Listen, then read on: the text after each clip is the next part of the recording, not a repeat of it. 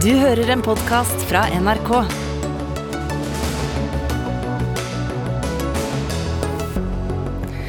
For grått og for smått, sier SV. Usosialt, sier Høyre. I dag la finansminister Trygve Slagsvold Vedum frem sitt første statsbudsjett.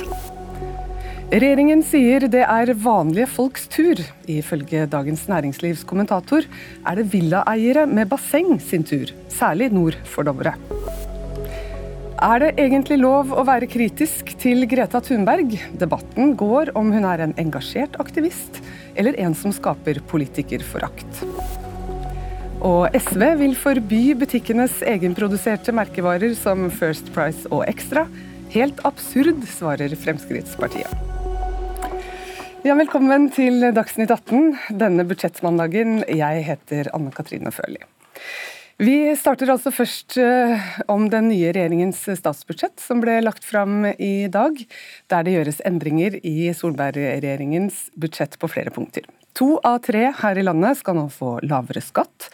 Formuesskatten økes, kommunene får mer penger dersom budsjettet får støtte i Stortinget, og bilistene skal bli kompensert slik at bensinen ikke blir så mye dyrere som det lå an til. Velkommen, Trygve Slagsvold Vedum. Tusen takk for det.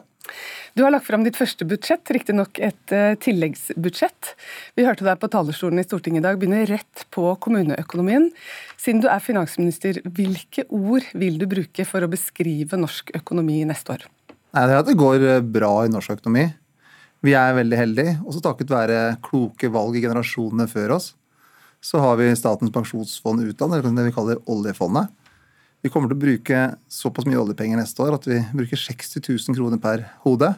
Men regjeringa øh, vi ønsker ikke å øke oljepengebruken, så vi holder den på samme nivå som ja, du, foreslått. Du, du, av, du kunne ha brukt mer oljepenger. Du kunne også ha skrudd opp oljeprisen i budsjettet for å kunne bruke mer penger. Hvorfor gjør du ikke det?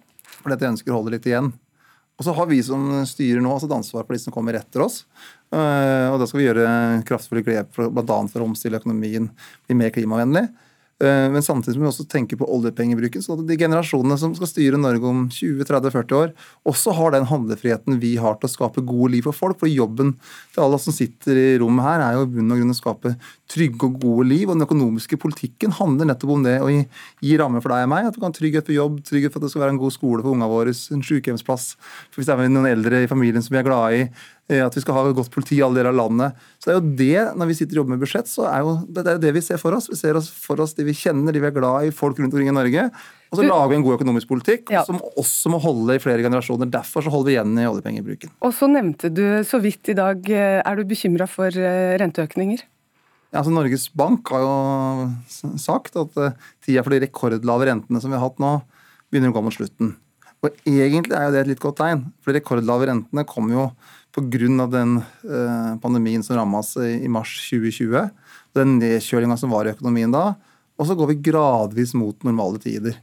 Og Derfor så vil da rentene gå gradvis opp igjen, ifølge Norges Banks prognoser.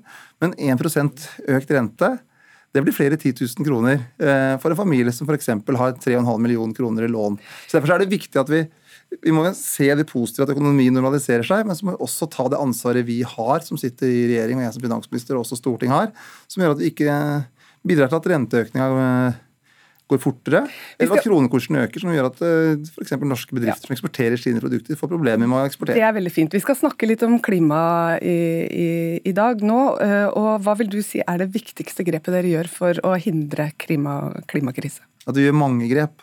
For det som er utrolig viktig i klimakampen, for det er en kamp Vi skal redusere norske utslipp med 55 eh, innen 2030. Eh, og det kommer til å kreve at vi har folk med oss. Derfor så gjør vi grep som gjør at det her slår litt mindre sosialt skjevt ut, og så mindre geografisk negativt skjevt ut, så at vi ikke får den motstanden i befolkningen. Det er veldig viktig. Men hvordan skal du nå klimamålene allerede neste år? da? Du snakker om 2030, men hva med neste år? Jo, men her er jo at Vi skal legge et løp fram til 2030. Der er det en bane der vi skal redusere utslippene. Samtidig skal vi få ny norsk industri. Og En av de tingene vi gjør, er f.eks. at vi bevilger 100 millioner kroner til ladeinfrastruktur. som skal få på plass en ladeinfrastruktur for biler som ikke som går på, på strøm rundt omkring i hele landet. For Vi må jo ha på plass infrastrukturen før vi kan pålegge folk å kjøre en bil som de ikke kan bruke i dag fordi de ikke har infrastrukturen eh, på plass. Og så gjør vi mange ting på det næringspolitiske. At vi styrker Enova til å skape ny grønn industri. Vi styrker Innovasjon Norge, sånn at de kan støtte prosjekter f.eks. til returvirke, den type ting som skaper eh, arbeidsplasser og får ned utslipp. Vi satser på skog, havvind, hydrogen. Vi gjør en rekke tiltak. og det er det som er så flott. Hvis vi klarer å gjøre dette riktig, så kan det skape arbeidsplasser, mer velstand for deg og meg. Vi skal få, vi få med flere her. For eh, Kari Elisabeth Kaski, stortingsrepresentant og finanspolitisk talsperson for, eh, for SV. Du kalte dette i dag for grått og for smått. Eh, er det ikke godt nok på klimaområdet du da sikter til? Blant annet, eh, Da Solberg-regjeringa la fram sitt budsjettforslag, så eh, var det tydelig at utslippsgapet fram mot 2030 har økt. Vi er lengre unna å nå klimamålene nå enn det vi trodde og håpte. Eh, og Derfor så var vi tydelige da om at her må klimapolitikken forsterkes. Vi må ha flere tiltak som kutter utslippene både på kort og på lang sikt. Og Når vi ser da budsjettforslaget fra Arbeiderpartiet og Senterpartiet i dag, så er det dessverre ikke det som skjer.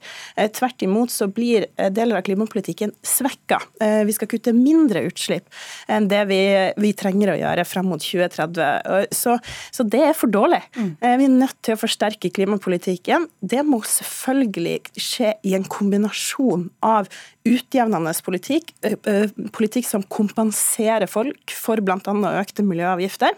Det lar seg helt fint kombinere uten å svekke klimaeffekten.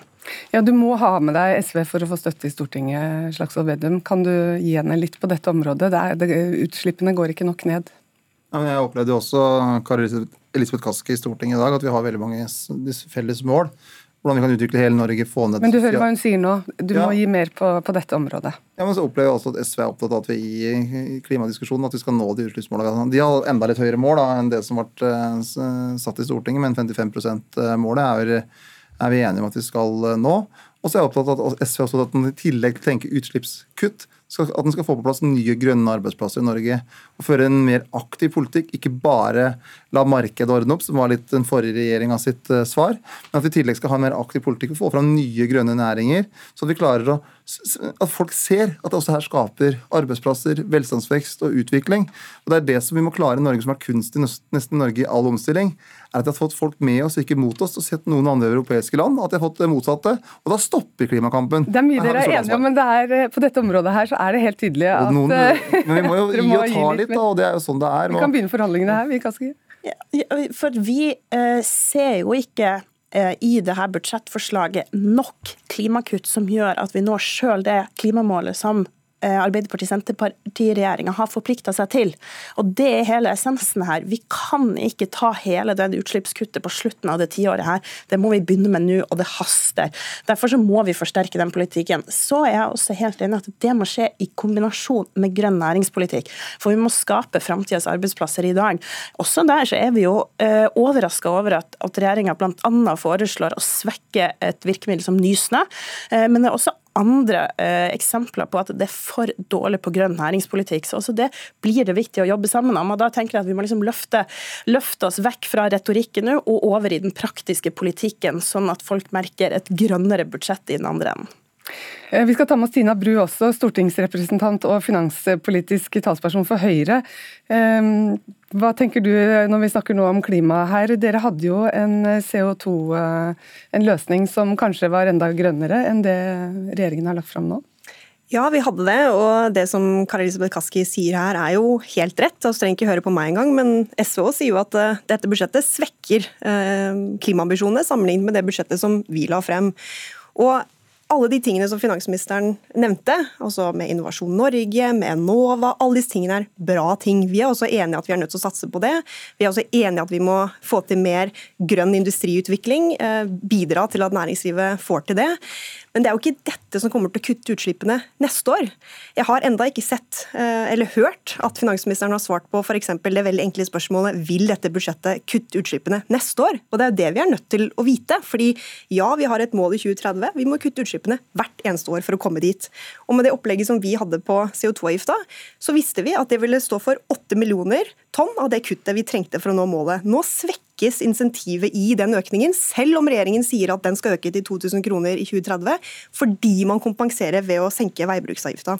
Ja, for jeg prøvde også å spørre deg om det, Vedum. Altså, hvordan skal du kunne redusere, altså, redusere veibruksavgiften, eh, legge inn disse tingene, og samtidig få reduserte utslipp allerede neste år? Ja, Vi kommer til å få reduserte utslipp eh, hvert år fram til 2030. Eh, og så er jo et av Det tyngste grepet vi gjør når det gjelder avgifter for eh, drivstoff, er at vi reduserer avgiftene på biodiesel med 62 62 øre. Og Det vil også kunne gjøre det mer lønnsomt å få opp en ny grønn industri i Norge. altså Biodieselindustri, som er flere, flere, anlegg som er helt i startgropa. Som gjør at vi også kan få bytta ut fossilt drivstoff i busser, lastebiler, Eh, gravemaskiner, den type tyngre kjøretøy. Der Det er lengre vei til elektrifisering. Så vi har to tanker i hodet samtidig. Og så husk det at vi har en felles politisk målsetting i Norge som ble lagt fram først med Frp og Høyre satt i regjering, og så bekrefta altså i Stortinget at man ønsker i 2025 at da skal man ha en målsetting om at så å si alle biler i Norge skal være nullutslippsbiler. Det er målet. Og Da vil man jo eh, nå det målet med at vi, når vi nærmer oss 2030, så har vi fasa ut, omstilt eh, bilparken, redusere utslippene. Men så må vi gjøre det på en måte som er sosialt og geografisk rettferdig. For så hadde vi ikke Høyre i sitt budsjettforslag lagt inn noen ekstra penger til å bygge ut hurtigladere i de områdene av landet som ikke har hurtigladere. Og man må jo, når man skal omstille, så må man legge til rette for at alle skal kunne omstille. Også de som ikke har så god råd, og også de som bor et sted der man ikke har en infrastruktur. Men så merka jeg også at eh, Tina Bru i dag var helt sjokkert over at vi reduserte avgiftene på strøm med 2,9 milliarder kroner. Og syntes det var sløsing med penger. Jeg mener det er fornuftig. Kommentere først på det, Tina Bru. Vi også er jo helt enig i at man skal kompensere. Jeg tror ikke det er nesten noe politisk uenighet i Norge om nettopp det spørsmålet. Spørsmålet er skal du kompensere på måter som slår beina under hele poenget med den økningen på avgifta, eller ikke. Det var derfor vi foreslo å senke trafikkforsikringsavgifta. Derfor foreslår vi å øke pendlerfradraget, fordi da svekker du ikke insentivet. Og skal vi nå det målet, Vedum, som du snakker om i 2025, på bare eh, nullutslippsbiler i salg, eller nye biler, så kan du ikke nå begynne å redusere de tiltakene som tar oss dit. F.eks. at det alltid skal lønne seg å velge en grønn bil istedenfor en bil som forurenser, og at man vet at det koster mer å bruke fossilt drivstoff. Det, det svekker dere insentivet på. Kan du heller bare si det? Og du har fortsatt ikke svart på vil du kutte utslipp neste år, og hvor store utslipp vil faktisk dette budsjettet kutte neste år? Det har vi jo ikke fått noe svar på. Du må jo kunne si det hvis du mener at det gjør dere hvert eneste år. Det er et ganske enkelt spørsmål. Ja, vi vil kutte utslipp neste år. Og så varsla en ting til i Hurdalsplattformen, at vi ønsker å endre statsbudsjettprosessen. At vi skal lage en, I tillegg til de økonomiske tallene, så skal vi lage en eh, beregning hvordan ulike tiltak slår ut eh, for klima. Det hadde ikke Høyre, KrF og Venstre gjort når dere satt i regjering. Nå skal vi gjøre det, sånn at vi kan få gode tall på de ulike tiltakene. Sånn at vi kan få en målretta, forpliktende plan på hvordan vi skal kutte utslipp fram mot 2030. Og så skal vi gjøre det på en måte som gjør at vi skaper mer industri, flere arbeidsplasser og mer velstand for deg og meg. Og hvis ikke så gjør vi det på en uklok måte. Vi vil gjøre det på en klok måte og ikke øke de geografiske forskjellene. Og så merker jeg at Høyre er veldig indignert over at vi f.eks. reduserer avgiftene på biodiesel. Vi syns det er klokt.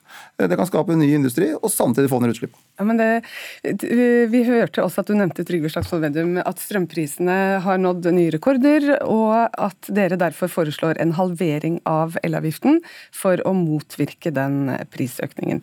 Sylvi Listhaug, stortingsrepresentant og leder i Fremskrittspartiet. Mageplask har dere kalt eh, dette kuttet. Hvorfor er det å halvere elavgiften et mageplask? Det er jo bare tre måneder, og det er altså tidenes høyeste strømpris vi står i nå.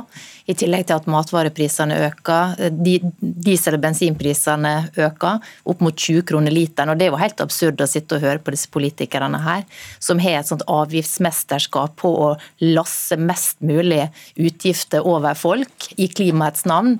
Lille Norge som står for én promille av verdens utslipp, og vi ser andre land som bare koster på, enten det er Kina, India eller andre.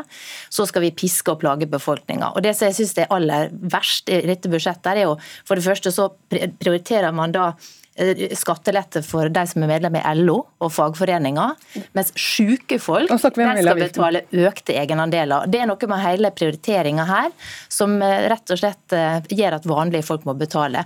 Og Når det gjelder det med diesel og bensin, jeg har bare lyst til å si det. fordi Senterpartiet sa jo før de kom i regjering at de stilte ultimatum sa Marit Arnstad, på at avgiftene på bensin og diesel de skulle ikke øke. Nå ser vi dessverre at de gjør det, og hvem er det som rammes? Folk i distriktene. Folk som er avhengig av bilen. Ungdom som ikke har råd til å kjøpe seg elbil, som kjøper seg gamle diesel- og bensinbiler. Og det er helt feil Slagsvold Vedum, at alle her er opptatt av å nærmest presse folk til å kjøpe elbil fra 2025. Fremskrittspartiet sier det må være opp til folk flest å bestemme, og dessverre så har ikke du noen ting med avgiftsøkningene som Høyre la inn, på over nå, en milliard. Nå er det, nå er det faktisk sånn at med, med dette for forslag, forslaget her, Listhaug, så, så, blir det lavere bensinpriser enn det ville vært med, med Solberg. Jo, men det blir høyere, og det er jo det som er problemet når prisen er nesten 20 kroner literen. Slagsvold Vedum får svare, og så er det Kaski. Ja. Ja, så er det, du stilte spørsmål til Lise først om eh, elavgiftene, og hun begynte å svare på det også. Og så snakka hun seg fort som mulig bort. fordi at eh, nå, nå reduserer vi jo elavgiftene. Med en gang vi i Senterpartiet fikk mulighet til å påvirke elavgiftene, så reduseres de. Vi foreslår å redusere det med 47% i vintermånedene, 9% resten av året. Når Fremskrittspartiet hadde makt, og det er jo det som er litt interessant, hva prioriterte Fremskrittspartiet når de hadde makt? Da økte de elavgiftene. Og da var det rekordhøye. De økte med faktisk over 40% rundt 40 eh, når Siv Jensen var finansminister og Sylvi Listhaug var olje- og energiminister. Så én ting er hva han sier når han ikke har makt, og han er full av avmakt. Da kan man si at man ønsker å redusere avgifter og gjøre den type grep. Men når Frp satt med ansvaret, så var det rekordhøye avgifter. Og dere sa, jeg vet at det er lei at jeg påminner dere på det, dere sa da dere fikk makt vi er lei av lav strømpris, Frp-statsråden. Og De gjorde masse grep for å få strømprisen opp, og nå er strømprisen oppe. Og så begynner de å klage nå, mens vi prioriterer da med en gang lavere strømpris, for vi mener at det er viktig for å hjelpe folk. Og så blir strømregninga uansett veldig høy til vinteren. Og da er det det grepet vi kan gjøre noe med. Det er å redusere avgiftene, og det gjør vi da raskt. Og vi gjør det ganske kraftfullt. Jeg tror vi må høre, Nei, nå er vi på elavgiften, nå må du vente. Eh, Kari Elisabeth Kaski, eh, når det gjelder denne endringen av elavgiften, eller halveringen av den, er det noe dere kan være med å støtte? Vi eh, skal komme tilbake til eh, hva vi er med å støtte og ikke, både når vi har lagt fram vårt alternative budsjett og når vi går inn i forhandlingene, så er det helheten som avgjør på det.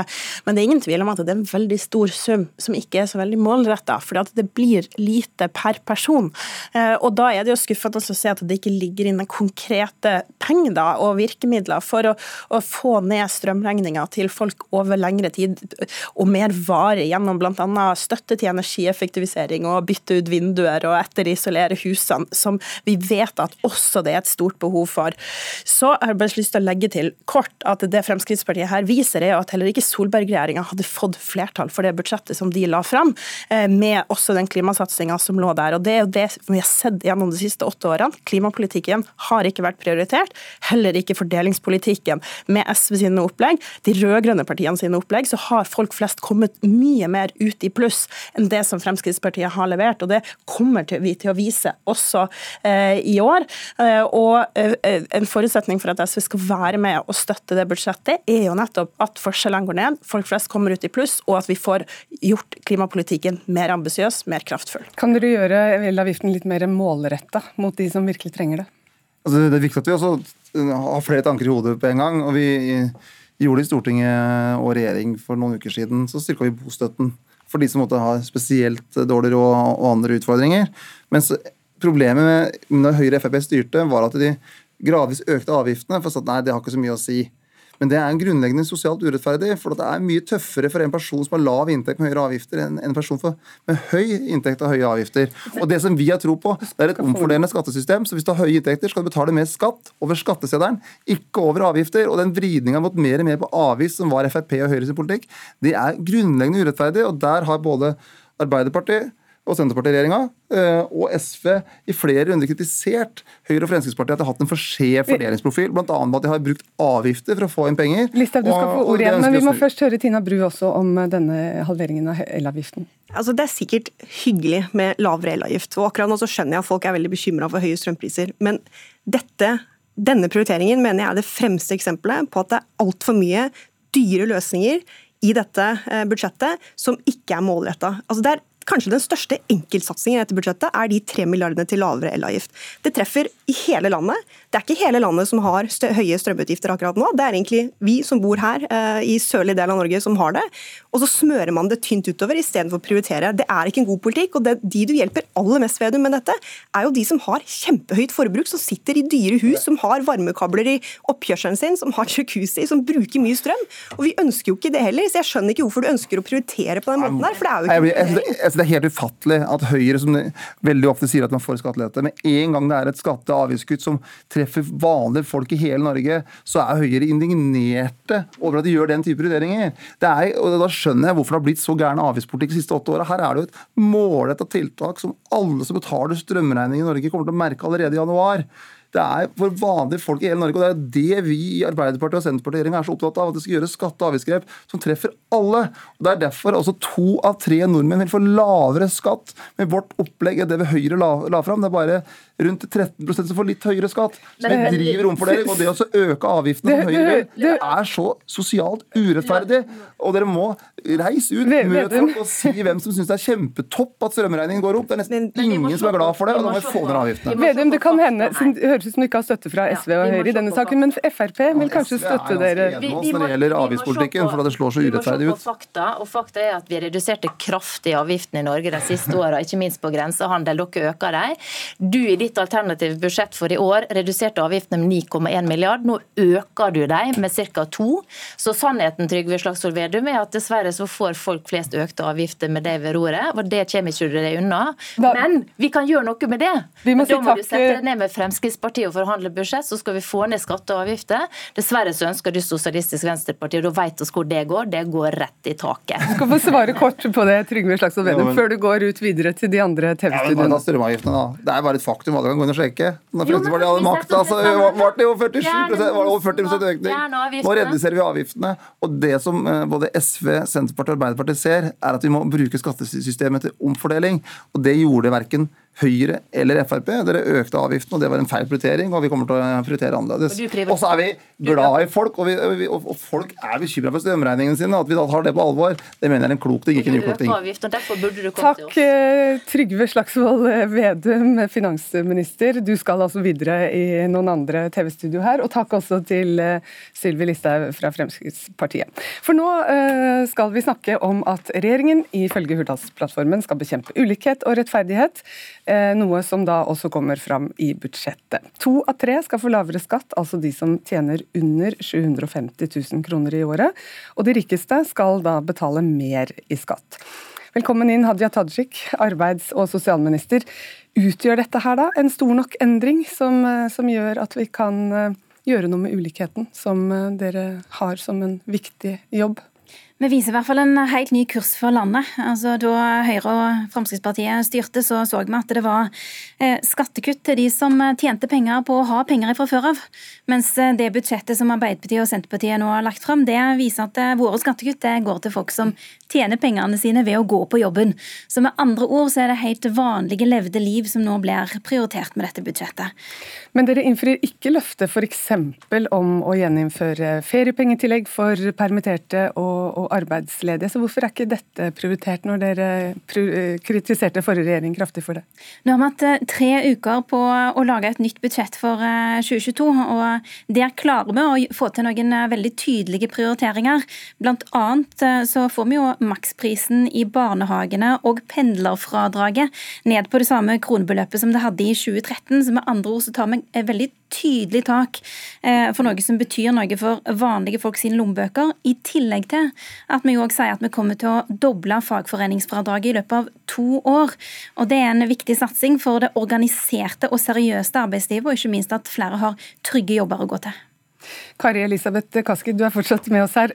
Det var vel dette som da var for smått. Hva er det som er for smått? Mm. Her er det um, mange gode ansporinger fra Arbeiderpartiet og Senterpartiet uh, i deres budsjett, men det blir for lite summer Eh, og det kommer ikke til å få ned forskjellene i Norge. Og det mener jeg er viktig. Nå har vi hatt åtte år med borgerlig styre som har prioritert landets aller rikeste. Forskjellene øker betydelig i Norge. Og det er en enorm avstand mellom de over 400 milliardærene som vi har, og de 115 000 ungene som vokser opp i fattige familier. Eh, og derfor så eh, skulle vi ha sett et mer omfordelende skattesystem som tar skikkelig tak, som sørger for at landets aller rikeste bidrar vesentlig mer til fellesskapet eh, men som også gjør at folk flest kommer ut i pluss gjennom skattekutt for, for de med vanlige og lave inntekter. Vi eh, mener eh, man må bygge ut velferden vår, styrke kommuneøkonomien, sånn, sånn at velferden nettopp kan prioriteres i hele landet og ikke minst reversere flere av de usosiale og smålige kuttene mm. som høyreregjeringa har stått for. Men de som nå har mindre enn 750 000 i, i inntekt, de, de, betaler mindre skatt. Formuesskatten økes til 0,95% Det er da et, riktig, et steg i riktig retning? Ja, det er gode ansporinger, eh, men, men, det tar ikke skikkelig tak, og det vil ikke få ned forskjellene i Norge. Det går an å gjøre mer, også med kort tid, fordi vi vet hva som skal til.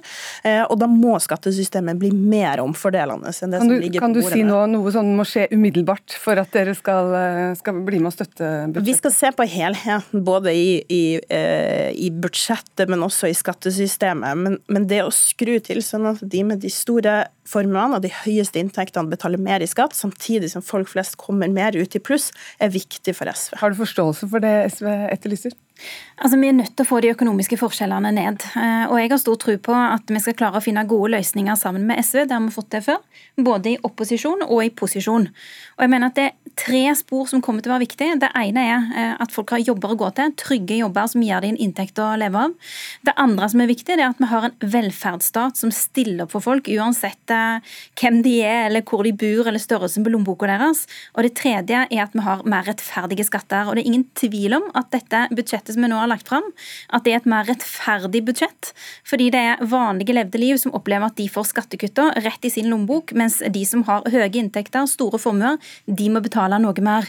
Men når det gjelder arbeid så har vi en tydelig annen profil enn Høyre òg der. fordi Mens de har kutta i arbeidsmarkedstiltakene, altså opp mot 2022-budsjettet, eh, så har vi foreslått at man øker det med 1000 nye tiltaksplasser. Og vi har òg foreslått at eh, Nav får muligheten til å øke grunnbemanningen sin. fordi mens Høyre bare har foreslått midlertidige penger til Nav, så har vi foreslått at de får 175 millioner kroner mer til flere faste, hele stillinger.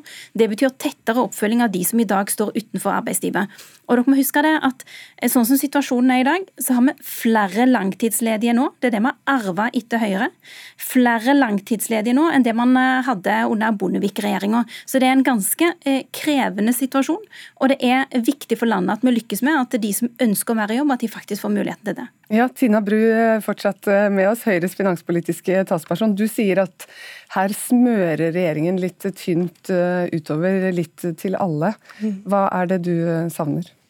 Altså det som kanskje overrasker meg mest med dette skatteopplegget til, til regjeringen, i denne tilleggsproposisjonen, er jo at så Det at det kommer skatteøkninger på de som har mest, det er ikke så overraskende. Men det som overrasker meg, er at det, det er såpass lite skattelettelser til de som tjener minst.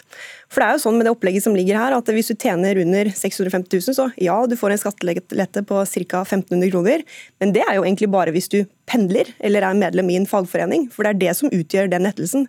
Så hvis ikke du gjør det, så er det egentlig ingen skattelette i dette budsjettet for de som tjener minst. Og det syns jeg er litt rart. Og når jeg har eh, kritisert det at man smører tynt utover, så et eksempel jeg har brukt på det, er jo det grepet de gjør på å senke maksprisen i barnehage. Det er for så vidt greit, altså det er hyggelig. Eh, jeg kommer nå til å få billigere barnehage, jeg har en sønn som går i barnehage, men jeg har jo ikke behov for det. Høyre politikk når vi satt i regjering, var jo å målrette tiltakene i gratis barnehage, gratis kjernetid, redusert foreldrebetaling for de med lav inntekt. og Her velger man heller å bruke 690 millioner kroner på å gi alle litt lavere barnehagepris. Jeg syns at det er en feil prioritering. Man burde målretta mer hvis man faktisk er opptatt av å få ned forskjellene. Og SSB har jo også sagt at det å gjøre et flatt eh, kutt på, på makspris i barnehage faktisk kan øke ulikheten istedenfor å redusere den. Tror målrette mer må være dagens ord, eh, Tajik? Dette er en viktig politisk forskjell mellom eh, Arbeiderpartiet på den ene sida og Høyre på den andre. Fordi vi vil at velferdstilbudene at de skal i størst mulig grad være universelle og felles, mens Høyre vil ha mest mulig behovsprøving. Og Det er en besnærende tanke, men det gjør at det ikke alltid lønner seg å jobbe hvis man velger Høyre sin vei. Det betyr f.eks. at eh, hvis du får en behovsprøvd barnehagepris, da, så betyr det at når du har nådd en viss inntekt, så mister du kanskje krav på billigere barnehage, og da får du plutselig en betydelig utgift. Og Da kan det bli vanskeligere for den alenemora å, å be om å få en høyere eh, stillingsprosent, eh, når det man da reelt sitter igjen med, er mindre penger fordi man får større utgifter. Så man risikerer at for mye behovsprøving, og det Tina Bru her kaller for målretting, at det bidrar til å låse folk inn i en ganske vanskelig økonomisk situasjon. Og jeg mener jo også at Det å altså, doble fagforeningsfradraget i løpet av to år, det er jo ikke sånn at det bare er til nytte for de som er fagorganiserte. Altså Det at man har eh, en høy organisasjonsgrad i Norge generelt, det betyr noe for samfunnet vårt. Vi vet at det betyr noe for lønnsutviklinga, at den blir mer positiv. Det betyr noe for samfunnet vårt ved at det øker produktiviteten eh, i samfunnet. Og så vet vi òg at det, høy, det at vi har høy organisasjonsgrad, det bidrar til gode løsninger lågt konfliktnivå på arbeidsplassene.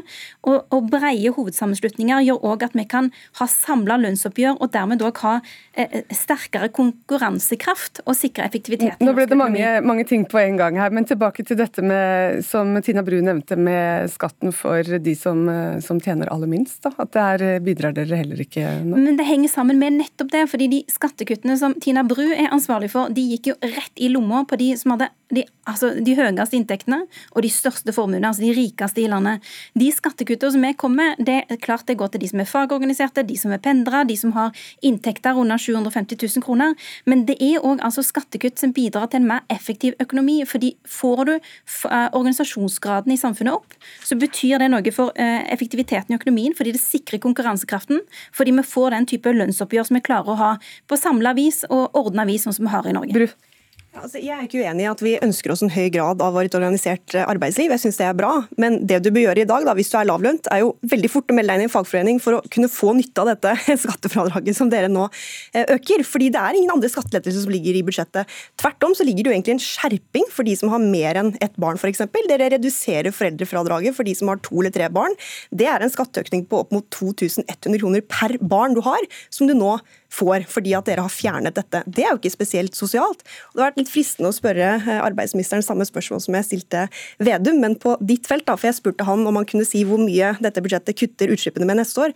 Kan du bekrefte at dette budsjettet faktisk reduserer ulikheten, og hvor mye? For jeg er litt tvilende til det. gitt for Må du svare kort på det, Tajik, for vi skal ha en Kaski her før vi altså, går videre. Det er ingen tvil om at på de store områdene som betyr noe for å få forskjellene ned, så leverer budsjettet til Arbeiderpartiet og Senterpartiet langt bedre enn det Høyre har gjort. Fordi vi leverer på å ha eh, større satsing for å få folk i jobb. Eh, vi leverer på å ha en sterkere velferdsstat, som òg betyr noe for å bekjempe ulikhetene. Og vi har en langt mer rettferdig skattepolitikk, der de med de største inntektene og de høyeste formuene, at de faktisk er de som betaler mest i skatt, mens de med eh, vanlige inntekter og som står uten formue, de får skattekutt. Dette er for smått, har du sagt, Kaski, men, men må alt skje med en gang? Kan du ha litt tålmodighet og se om det kommer litt mer etter hvert?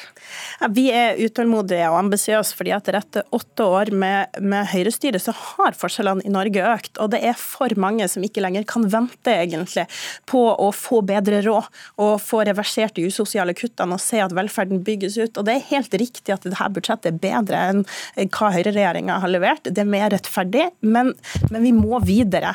Eh, og for oss så betyr det jo bl.a. å bygge ut velferden vår, og ikke bare forsvare det vi har, men å se på hvilke områder er det vi har løst ting eh, i, i fellesskap i Norge, og hvor kan vi gjøre det på andre områder, f.eks. Eh, knytta til en tannhelsereform.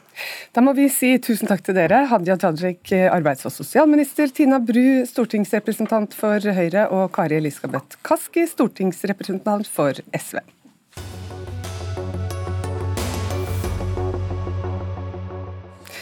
Finansministeren sier altså at statsbudsjettet er laget for vanlige folk. Men hvem er egentlig de vanlige menneskene som får glede av pengene i budsjettet som Vedum serverte i dag?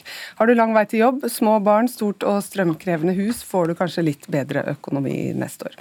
Eller Fridtjof Jacobsen, politisk redaktør i Dagens Læringsliv, du sier at det nå er vanlige villaeieres tur? Ja, spesielt hvis du har villa i eh, nord for Dovre hvor jo strømmen faktisk er ganske rimelig. Jeg tror det er, det er fire ganger så dyr strøm eh, i, på Sør-, Øst- og Vestlandet som det er i Midt-Norge og, og Nord-Norge. Eh, men dette avgiftskuttet det får jo alle, så der kommer du ganske godt ut av det. Og Hvis du i tillegg har et hus som bruker mye strøm, f.eks. hvis du har et svømmebasseng eller et boblebad eller som står og putrer, eller varmekabler i oppkjørselen eller sånne ting, så så er det en god dag. Da kan du spare noen tusenlapper. Men hvis du sliter med å betale strømregningen fordi du har lav inntekt, så er jo den lettelsen som blir presentert der, vil du Den er så liten sammenlignet med hvor mye høyere strømregningen blir, at det knapt vil gjøre noe reell forskjell for de som sliter med det. Så dette er ikke godt nytt for vanlige folks uh, bekymring for høye strømregninger, altså? Nå er det jo kanskje vanlige folk, det er jo kanskje det denne kuttet viser, da, at mange vanlige folk i Norge har jo relativt god råd. Så, det, så jeg tror jo Heldigvis er det jo ikke sånn at eh, folk i Norge lever helt fra hånd til munn og, og får store problemer. Veldig mange i middelklassen oppover, men, men, eh, men, for de som virkelig da blir rammet av dette, så, så av denne voldsomme strømprisene vi har nå, så, så, er dette et veldig lite treffsikkert eh, eh måte å treffe på. Men eh, til gjengjeld så er det veldig dyrt. Og så går det jo ikke bare til husholdninger, det går jo også til alle mulige bedrifter. Ikke de mest kraftkrevende, for de slipper, men, men altså, det går til næringsbygg, det går til landbruk, det går til mange. Eh, så, så det, man bruker nesten tre milliarder på noe som gjør lite praktisk forskjell for folks lommebok, syns jeg. Tone Sofie Aglen, politisk kommentator i VG. Hvem synes du kommer best ut av budsjettet? Nå har jeg jo ikke målt med noen millimeter her, men eh, jeg syns det er tydelig at det er Senterpartiet som eh, eh, har fått mest gjennom. Og det handler veldig mye om det etterlatte inntrykket på en, en, såpass kaotisk dag. For det første så er det veldig mange distriktspolitiske saker som har fått både oppmerksomhet og mye penger. Alt fra frie inntekter til kommunene, stor omsorg for å bevare grendeskoler, billigere og gratis ferge, pendlerfradrag, finnmarkstillegg. Mange den type saker. Men på den andre sida, hvis du ser hvor kritikken kommer, og hvem den rammer, så rammer den eh, definitivt Arbeiderpartiet hardest, både på klimaprofilen og på kritikk fra særlig LO på mm, en del manglende satsinger. Lars Nehru Sand, politisk kommentator i NRK. Ehm, Frp og Høyre kan jo være harde mot denne regjeringen. SV kritiske, men kanskje litt mer eh, forsiktig. Hva tenker du om støtten de trenger fra SV på dette budsjettet? Ja, Det la jeg litt merke til i uh, replikkutvekslingen som det heter i Stortinget etter uh, innlegget til, Stø, nei, til Vedum. Det var at, at SV målretta på sett og vis ikke sin kritikk, uh, men, men, sa hva de ville ha mer av. og Det tror jeg alle hadde gjetta på forhånd. At det var fordelingspolitikk og, og, klimatiltak, men nevnte ikke noen spesielle tiltak mer enn andre verken av hva SV ville løfte frem, eller, eller hva de var kritiske til ved det som lå i budsjettet. Så det var en veldig forsiktig tilnærming tilnærming fra eh, SV, som jo åpenbart tyder på at de eh, ikke vil lukke noen dører eller eh, bygge noe større forventnings eller fallhøyde enn det allerede er for dem, når de skal inn i, i forhandlinger med regjeringspartiene. Men Vi hørte også Kaski her var ganske tydelig på, på en del krav. Ja, og det er jo fordi SV nå Nå er jo bevisbyrden snudd litt, og SV må nå eh, få gjennomslag fordi de ikke klarte å få gjennomslag på, på Hurdal, og de må det i full flomlys eh, i forhandlinger i Stortinget, istedenfor å gjøre det inne på et hotell i, i, eh, i Innlandet. Og da må de vise at eh, nå får de til en mer omfordelende skattepolitikk, eh, kanskje knuse skatteløftet til, eller garantien til Arbeiderpartiet. Nå får de til eh, mer mer konkrete klimakutt enn det eh, man klarte der, og det regjeringen har lagt frem nå. og Det blir veldig målbart hva SV får til eller ikke. Så, så at SV nå føler behov for å, å slipe knivene, det, det, er lett å forstå. Ja, Vi hadde jo en runde her på klima, og reaksjonene fra opposisjonen er jo klart kritiske. Hvor klimavennlig vil du si at dette budsjettet er, Raglen? Nei, De klarer jo ikke sjøl å, å, vise hvor mye de faktisk vil kutte. og Det kommer vel også nå innrømmelser på at at de kutter mindre enn det Solberg-regjeringen gjør. og det, det, tror jeg svir ikke, ikke, for Senterpartiet nødvendigvis, men for mange i Arbeiderpartiet så er det eh, tungt. Særlig nå inn i klimatoppmøtet. Og, kanskje er liksom litt sånn tanken at dette her skal liksom SV få lov å, å rydde opp i, i forhandlingene, men det, det, gjør jo noe med det etterlatte inntrykket av den grønne profilen til denne regjeringa. Ja, for hva er det Støres eh, regjering ikke gjør med dette budsjettet her, som man skulle forventa? Og Det er jo en del prosjekt som naturlig nok for så vidt vil, vil komme mer på sikt, eh, som, som, er lovet, enten det er pensjon fra første krone eller eh, større helsereform, eller ja, større satsinger på helseområdet. og Psykisk helse er det ikke satt av så veldig masse penger til, eh, selv om det var en sentral del av Ap-valgkampen f.eks. Og den lista kan man alltids gjøre litt lenger, men, men det viktige er nok, som Aglen er inne på, at den, den hovedkritikken av dette budsjettet rammer Arbeiderpartiet mer. og Da er det mye av det Arbeiderpartiet har fått til på, på nettolønnsordning eller andre ting, som, som eh, kommer litt mer i bakleksa. Ja, Fridtjof, du hørte Kari Elisabeth Kaski her. Hva tenker du om eh, hva de eh, planlegger nå i forhold til forhandlingene om å støtte eller ikke støtte budsjettet? Nei, det, altså dette eh, hvor man øker CO2-avgiften, som vil gi dyrere bensin og diesel, men samtidig senker denne veibruksavgiften, som gjør at effekten da på pumpa for å si det sånn, blir mye lavere. Og Dermed så, så, vil, så, sier man at det vil, det vil, ikke kutte utslipp på samme måte, vil til og med øke utslipp sammenlignet med det opprinnelige budsjettet. Det, det tror jeg er vondt for SV å være med på. Det kan de vel egentlig ikke være med på. Eh, dette er jo en slags beregning, man vet jo ikke helt hvordan ting vil slå ut. Eh, folk kjøper jo mye elbil og sånn, men det, det, tror jeg er vanskelig å være med på. Så, men samtidig så er det jo en liksom, Hvis seieren for SV er at de kan gjøre det litt dyrere å fylle bensin og diesel, men ikke så veldig mye, så er jo det en slags veldig sånn tom seier for SVs eh, velgere også, som antageligvis enten ikke kjører bil eller, eller har elbil. Så, så, det er noe med en sånn det er en slags sånn negativ seier. og den, Akkurat denne dynamikken husker vi jo veldig godt fra den forrige regjeringen mellom Venstre og Frp, hvor dette var et uh, veldig vondt og vanskelig tema i mange forhandlinger. Så jeg er litt spent på hvordan det kan spille ut. Men ut fra hva Kaski sa, hvor hun altså, akkurat så på dette med veibruk og CO2-avgift, så er jo det tydeligvis en ting som må løses i disse forhandlingene. Og så er det jo spennende sånn mer stort da, om, om, SV blir med og støtte dette budsjettet ved første korsvei. Dette er jo kanskje et av de enklere budsjettene for dem å støtte. Eh, og hvis de ikke lykkes å få med SV som en slags sånn, eh, hva skal man si, special relationship, hvor de har en sånn eh, egen partnerstatus for regjeringen i denne forhandlingen, så kan vi jo få en veldig si, spennende parlamentarisk situasjon rundt både budsjetter og vedtak. Og en ting til som SV også har sagt, som vi sa fra morgenen i dag, er at vi vil koble støtte til budsjettet med gjennomslag på andre saker som ikke er budsjettsaker. Hvilke saker det skal være, har vi jo ikke hørt så mye om.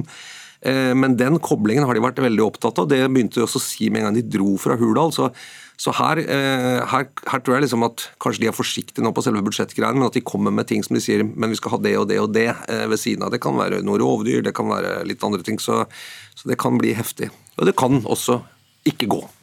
Hvordan ser du på prosessen videre, Lars Nehru Sand? Nei, at eh, det, jeg mener jeg at Bevisbyrden nå er litt snudd. Nå er presset på SV. Nå har regjeringen på en måte vist sine kort, og, og, SV skal ikke bare vise sine i sitt alternative budsjett, de skal også da bevise at det var riktig av dem å bryte den flertallsregjeringen veldig mange trodde eh, valgresultatet ville ende med. Og SV har jo sagt da de forlot Hurdal at, at det var det beste for de politiske løsningene. Det var lettere for dem å få makt, vise makt, eh, ved å gjøre det i Stortinget. Og det må de bevise uh, i god tid før jul. Aglen, du drar linjene helt tilbake til Maskorama i fjor. Hva fikk deg til å tenke på det?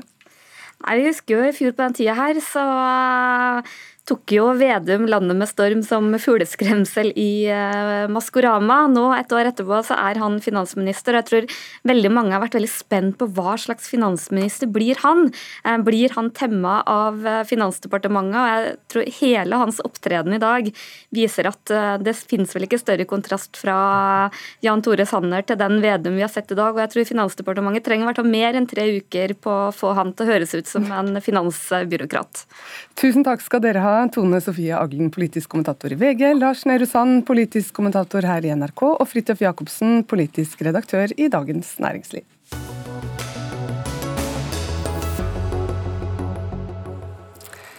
Vi skal snakke om klimadebatten. For i en kommentar i Aftenposten spør Kjetil Alstaheim om det er lov å være kritisk til Greta Thunberg, og mener at hennes måte å ordlegge seg på ikke redder verden mot klimakrisen.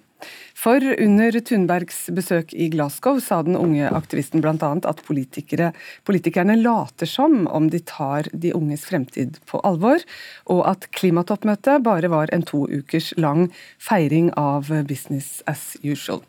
Herman Faane, sentralstyremedlem i FPU, Fremskrittspartiets Ungdom. Du er enig i Alstaheims kommentar eh, og mener at Thunberg er med på å skape politikerforakt. På hvilken måte mener du at hun gjør det? Jeg mener at det er ganske åpenbart når man står utenfor eh, klimatoppmøtet og skriker at de er forrædere og at man eh, må skape endringer, enten de liker det eller ikke, så er det revolusjonære holdninger. Og jeg synes dette viser gang på, altså nok en gang at eh, klimabevegelsen rett og slett går for langt. Vi så i skolevalget at Fremskrittspartiet var det partiet som gikk mest frem, og MDG var det partiet som gikk mest tilbake. Og det er jo et tydelig signal på at Folk har gått lei av at eh, folk skal skrike høyest og rope eh, død og fordervelse, og heller vil mane til fornuft og saklighet i debatten. Ja, Ravan Ismail, du møter som stortingsrepresentant for eh, Miljøpartiet De Grønne denne uken. Hva sier du, er du enig i at en slik retorikk da kan være med på å skape forakt for politikerne? Nei. Det som skaper politikerforakt, det er når politikerne lover klimahandling, den ene dagen, og så leverer de det som overhodet ikke er klimahandling den andre dagen. Greta Thunberg og andre unge aktivister blir stadig anklaget for å skape politikerforakt, men det er jo ikke de som skaper politikerforakt. Det er jo politikerne som gjør det. Så heller enn å spørre hvorfor Greta Thunberg og andre aktivister skaper politikerforakt, eller har politikerforakt, så syns jeg både makthavere og altså politikere, men også kommentatorer, oftere skal spørre seg hvorfor de unge får politikerforakt. I dag så var jeg på fremleggelsen av statsbudsjettet i Stortinget, og der har vi også fått et statsbudsjett som overhodet ikke leverer på klima, som ligger an til å kutte mindre klimagassutslipp enn da Erna Solberg la frem sitt statsbudsjett. Nei, ja, det er jeg klar over at de har diskutert, men, nei, men eh, resonnementet mitt er dette.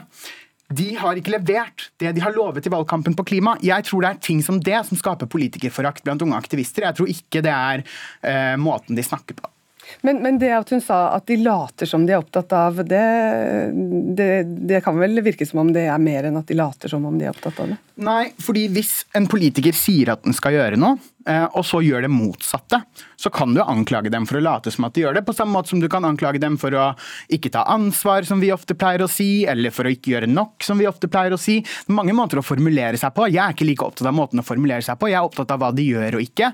Og jeg tror at det de gjør, nemlig å ikke levere i klimapolitikken, det bidrar til å skape politikerforakt. Det klimabevegelsen gjør, er å skape klimaproblemer fremfor å se etter klimaløsninger. Og det er det som er selve kjernen her. Og jeg synes det er ganske utrolig utrolig at MDG kan sitte her og støtte en eh, aktivist som står utenfor og sier at eh, endringer skal skje enten dere liker det eller ikke. Eh, og jeg må jo bare minne om at din egen stortingsrepresentant fra Oslo, Lan Marie Berg, er i møte i Glasgow akkurat nå. Og jeg mener det at dersom vi faktisk skal klare å løse klimautfordringene, så må vi komme til saklig fornuftige løsninger, og ikke bare stå og skrike høyest mulig.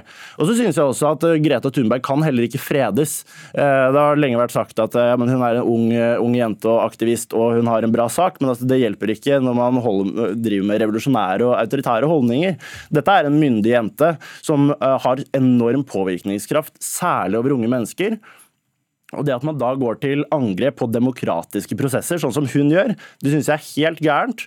Eh, og det skaper bare splittelse og polarisering av debatten, fremfor at eh, man finner forsoning, enighet og fornuftige løsninger. Ja, fordi det blir, det blir lagt veldig mye vekt på alt politikerne ikke får til. Men, eh, og at de kanskje heller ikke har lyst til å finne, finne løsninger. Man kan jo noen ganger også legge vekt på at de prøver og at, noe, at de gjør noe. Ja, men de gjør overhodet ikke nok. Og det Greta Thunberg har gjort, det er å mobilisere millioner av unge mennesker til å bruke stemmen sin og sitt politiske engasjement for å sørge for at politikerne leverer klimahandling, også unge mennesker uten stemmerett. Det er ikke Greta Thunberg og andre 16-15-14 år gamle aktivisters jobb å eh, formulere ferdig representantforslag som kan fremmes på Stortinget. Jobben deres er å legge press på politikerne, mobilisere i klimakampen. Det får de til, og det må politikerne bare venne seg til. Men når man maner opp til revolusjon, så eh, spiller man seg selv ganske greit ut av banen. Og Man trenger ikke nødvendigvis angripe de som sitter i Glasgow og prøver å finne klimaløsninger, og heller se på Xi Jinping, da Kinas president. Kina står for en tredjedel, nærmere en tredjedel av verdens utslipp. Eh, og deres bidrag til Parisavtalen er å øke utslippene sine med 450 ikke sant? Det er helt spinnvilt, og han møter ikke opp i Glasgow engang. Hvorfor kan man ikke angripe de, da? Og så I stedet for å, å, å gå til angrep mot men, de som er i Glasgow, og som prøver å finne løsninger. Men, men Fone, tidligere president eh, Barack Obama sa i dag under klimatoppmøtet i Glasgow at de fleste land har sviktet løftene de ga i forbindelse med Parisavtalen. Så hva er forskjellen da på at han sier det, og at eh, Greta Thunberg sier det? Nei, men Det handler om at Barack Obama eh, oppfordrer ikke til revolusjon og sier you can put your climate eh, bla, bla, bla up your ja, der hvor man ikke vil ha ting, gjerne.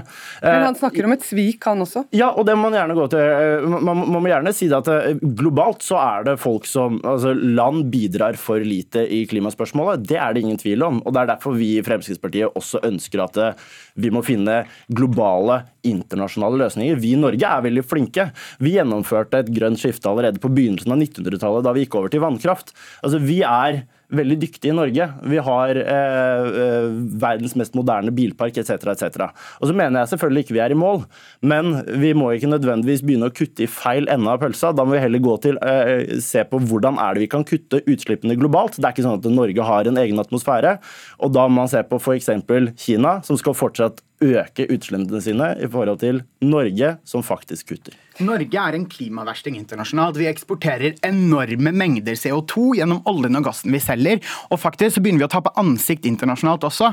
Altså Jonas Gahr Støre kunne ikke komme med hodet hevet høyt fra klimatoppmøtet. og Det er fordi at folk ser at Norge på den ene siden krever at andre land skal kutte sine utslipp, bruker også penger på at andre land skal kutte sine utslipp, og på den ene siden åpner nye oljefelt. Altså, Norge er en klimahykler. og det at du er fornøyd med Norges klimapolitikk, betyr ikke at Greta Thunberg og andre klimaaktivister trenger trenger å være det. Ismail, helt til slutt her. Ja. Eh, er du bekymret for at Thunberg kan eh, lede unge aktivister inn i noe som eh, er antidemokratisk og bortenfor sivil ulydighet? Nei, jeg er bekymret for at politikere som ikke leverer klimahandling når unge mennesker krever det, fører til mer politikerforakt.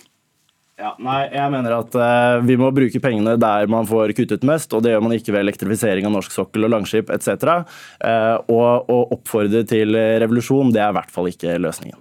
Så bra at ingen har gjort det. Da avslutter vi den diskusjonen der. Takk skal dere ha. Herman Faane, sentralstyremedlem i Fremskrittspartiets Ungdom, og Rauvan Ismail møter som stortingsrepresentant for Miljøpartiet De Grønne. Takk.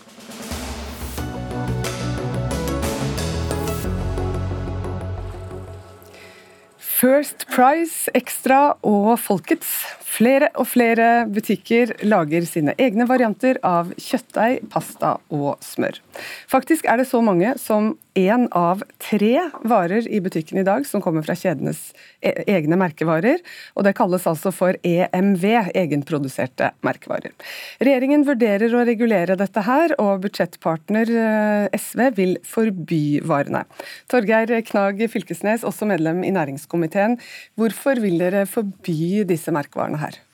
Nei, Egne merkevarer det fører til uh, høyere priser for uh, forbrukerne. Det fører til et dårlig mangfold av uh, varer som folk får. Og så presser det prisene til de som produserer dette. Bønder, fiskere. Og de eneste som sitter igjen med profitt i dette spillet, det er de store matvaregigantene. Ja, Sivert Bjørnstad, medlem også i Stortingets næringskomité for Fremskrittspartiet. Du sa nylig til Nettavisen at dette her er en absurd debatt som trolig ikke finnes i noen andre land. Er den det? Ja, jeg vil si at det er en absurd debatt. fordi Hvis man hører Dagsnytt 18 gjennom året i dag og resten av dagene av, av året, så det, står vi overfor ganske store utfordringer. Det å fjerne en tredel av matvarene i butikken oppfatter ikke jeg er av de, eh, en av de store utfordringene vi står overfor. Og i hvert fall ikke hvis eh, hvis eh, grunnen til at man gjør det er enten for lavere priser eller bredere utvalg. Det blir åpenbart ikke bredere utvalg ved å fjerne en tredel av eh, varene fra butikken. Og så er det jo sånn at Ofte så er det jo sånn at de her egne merkevarene er eh, ofte de billigste produktene i sin eh, kategori du finner i, eh, i, butikken, og det er en håndsrekning til mange som, som sliter med økonomien. Og det er jo sånn at eh, ofte så, i hvert fall de siste dagene, så er det diskutert mye i det her inflasjonsspøkelset. Matvareprisene stiger. Eh, og Det å fjerne de her aller billigste varene vil jo være eh, direkte drepende for dem som sliter mest eh, med høye priser, og dem som må faktisk sjekke lommeboka før de går i butikken. Ja, for Fylkesnes, Du sier at prisene kan bli høyere av dette, her, men hvis vi tar en kjapp titt inn i butikkhyllene, så ser vi vel at det er nettopp disse varene her som er de billigste?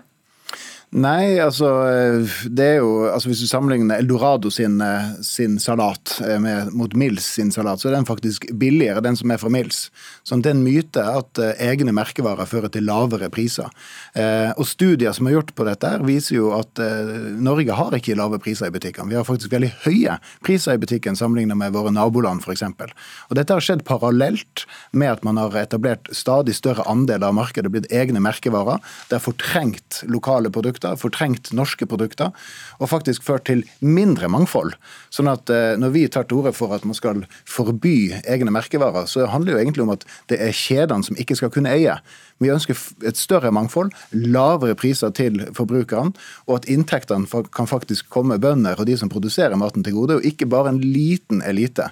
Og Det er jo det som er det store problemet, som er jo som er utreda opp og ned og mente, det er at vi har et stort problem i dag. Det er at vi har et triopol. Vi har tre store matvaregiganter som kontrollerer markedet. Og det som er komisk her, det er at SV i denne diskusjonen er plutselig den store forsvareren det, for det frie markedet, som ikke fungerer, og vil regulere dette, sånn at vi kan faktisk få et marked som fungerer til det beste for forbrukere og for samfunnet. Det for, for Bjørnstad, Vi vil jo også gjerne ha små aktører som skal klare seg opp mot uh, disse store, da, som lager spesialavtaler med kjedene. og og... Altså, det er helt åpenbart at det er en del strukturelle utfordringer i dagligvarebransjen. og Det har et samla storting vært opptatt av når vi har, eh, har behandla det her i Stortinget. Det er grunnen til at vi har bedt Konkurransetilsynet følge opp eh, bedre eh, hvordan situasjonen i dagligvarebransjen er. Det er grunnen til at vi har fått en lov om god handelsskikk. Det er grunnen til at vi har fått et dagligvaretilsyn. Men jeg tror ikke løsninga på å få et større mangfold og lavere priser i butikken er å fjerne den eh, tredelen av produkter. Og grunnen til at eh, Mills eh, eller Delikat kan ha en litt billigere rekesalat enn Eldorado, er jo nettopp pga. konkurransen fra Eldorado. Og Hadde ikke Eldorado vært der, så kan du være helt sikker på at Mills sin rekesalat har vært ganske mye dyrere, nettopp pga. en manglende konkurranse, som er det SV ønsker å foreslå her. Både NRKs forbrukerinspektørene vi må ta med oss det, og TV 2s matkontroll de har pekt på at en rekke varer, både egenproduserte merkevarer og uavhengige, produseres på nøyaktig samme sted. Altså Rema 1000s tyttebærsyltetøy produseres av Lerum, First Price ost av Synnøve Finden osv. Da er det vel det samme da for produsenten hvilken merkelapp som står på, når det da er produsert på samme sted uansett? Altså Problemet som oppstår når eh, matkjedene også eier de produktene de selger, altså de både skal selge produktene, de skal også produsere det, de overtar bare større og større andel av verdikjeden, det er at de sitter og kontrollerer pris. Eh, og den presser på pris. Eh, og de sitter igjen med de store marginene. Og Dette går jo ut over vanlige folk. Og det En studie viste det er at eh, norske matvarer er overpriser sammenlignet med naboland. Vi ligger rundt 15% over alle prisene i, i våre naboland. Da Sett bort ifra de særnorske avgifter osv. osv. Dette kan forklares, forklares med den enorme fremveksten av egne merkevarer. Så hvis man skal komme dette til livs, så er det utreda opp og ned i vente gjennom ulike typer utvalg, ulike typer aktører, at dette må i det minste reguleres knallhardt for å få kontroll på dette her. Eh, og vi ønsker også å forby det. Altså Butikkene skal selge mat, de skal ikke produsere mat, de skal ikke kjøre mat. De skal holde seg til det de, det de skal, eh, selge mat. Og så skal, eh, så skal, gevinster komme forbrukere og produsenter, bønder, fiskere til gode. Ja, for Både Gilde og Privor opplever jo at de blir mer og mer presset ut av eh, dagligvarehyllene. Men det var, det var, jo ikke sånn at før egne merkevarer kom, at det bugna over av små lokale produsenter i, i butikkene. Da var det stort sett sånn at det var eh, Orkla, og så har du landbrukssamvirkene, du har Nortura, du har Prior, du har Gilde, du har Tine. Og det egne merkevarer har gjort, er jo å spise seg inn på deres eh, banaldel. Eh, og Hvis du hadde fjerna egne merkevarer i dag, så hadde jo bare de blitt større. Og Jeg skjønner jo at hvis du er vant til et slags monopol, sånn som landbrukssamvirkene har vært i lange lange tider, så skjønner jeg at det er utfordrende at det kommer konkurrenter som tilbyr lavere priser til forbrukerne og større utvalg, men jeg syns ikke at det er noen god grunn til at du skal fjerne egne merkevarer av den grunn. Men det der stemmer ikke. Fordi at eh, det, det, det viser, det er jo at med fremveksten av egne merkevarer, som har fortrengt lokale produkter, fortrengt norske produkter, mer produsert i utlandet osv., så, videre, så har det faktisk blitt mindre mangfold av varer. Og prisene har økt og gevinsten til de som eier disse kjedene her, har økt. Altså, Det er rett og slett en ond sirkel som går utover samfunn.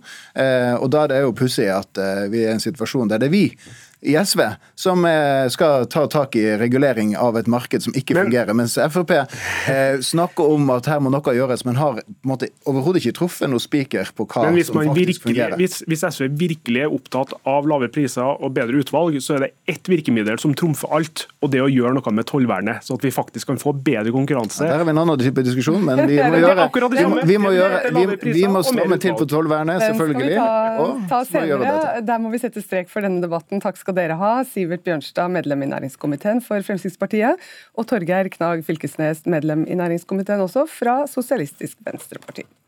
Denne sendingen eh, er nemlig over. Vi takker for følget. Ansvarlig for sendingen var Gro Arneberg. Teknisk ansvarlig Hanne Lunås, og i studio Anne Katrine Førli.